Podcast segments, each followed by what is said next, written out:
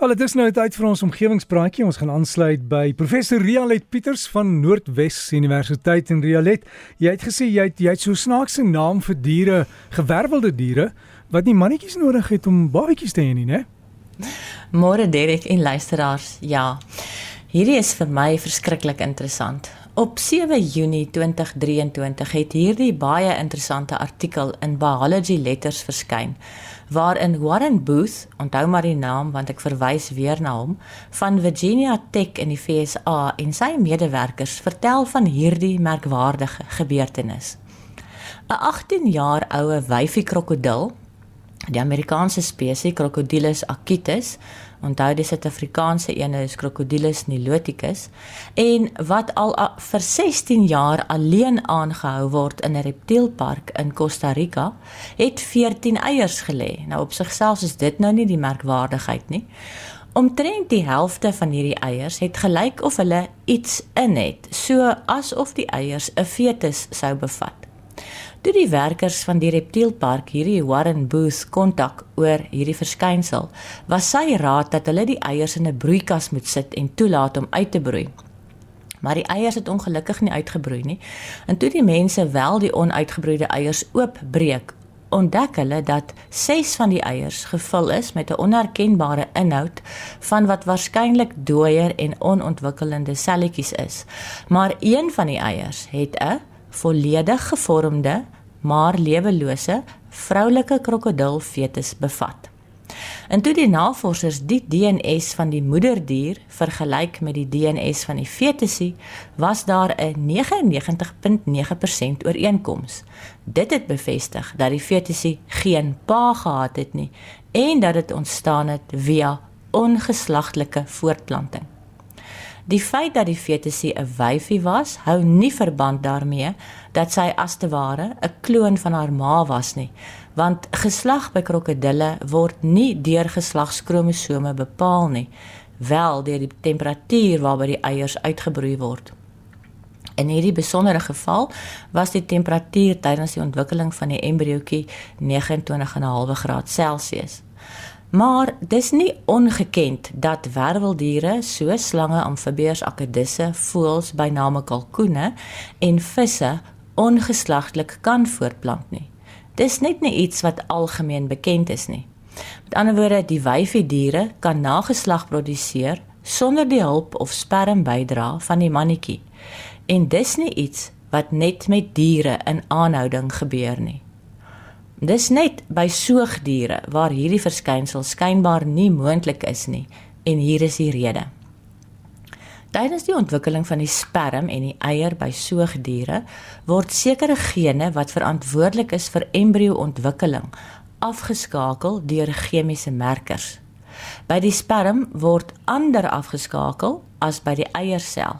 Maar wanneer die sperm die eiersel bevrug, is die komplement van gene wat vir normale embrio-ontwikkeling benodig word weer volledig en kan die nuutgevormde sigoot dan nou normaal ontwikkel. Beide die sperm en die eiersel se kromosome is dus nodig vir die ontwikkeling van die soogdier embrio. Op skool word ons geleer dat eiers en sperms in die gonades van die diere vervaardig word. Die testis is verantwoordelik vir die vorming van sperms en die ovariums, ook soms genoem die eierstokke, vervaardig die eiers. Beide sperms en ovums bevat die helfte van die aantal kromosome wat nodig is om 'n normale fetus te laat ontwikkel. Ons verwys daarna as haploïd. Al die selle in 'n liggaam moet egter diploïd wees vir die normale funksionering van die sel en dus die organisme. En wanneer 'n sperm en 'n eierselletjie bymekaar uitkom, word hierdie to diploïde toestand herstel.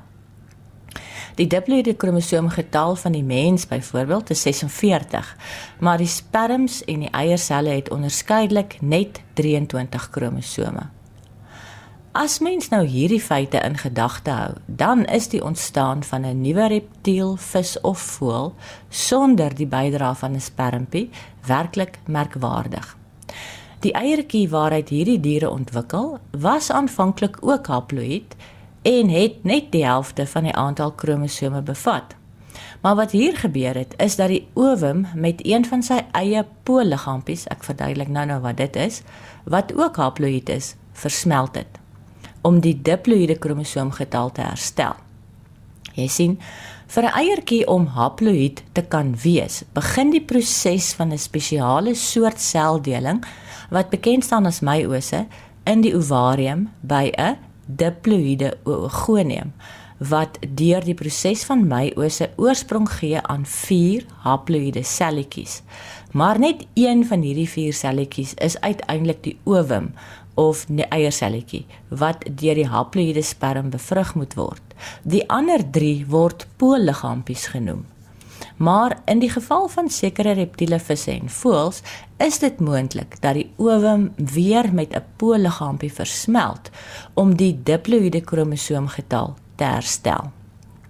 Hierdie vorm van ongeslaglike voortplanting staan as partenogenese bekend en beteken die woord letterlik vertaal uit moderne Latyn maagdelike skepping of in Engels dan nou virgin birth.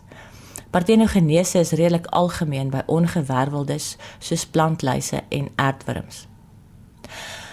Waar hierdie Warren Booth het in 2012 'n publikasie ook weer in Biology Letters gehad waarin hy rapporteer oor twee spesies pitadders of die Engels is pit vipers waarmee hy die werpsels onder waarvan hy die werpsels ondersoek het.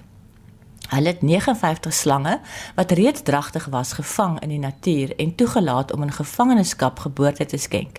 En twee van die werpsels se DNA-analise het getoon dat hulle geen pa DNA bevat nie en dat hulle uitsluitlik moeder DNA gehad het.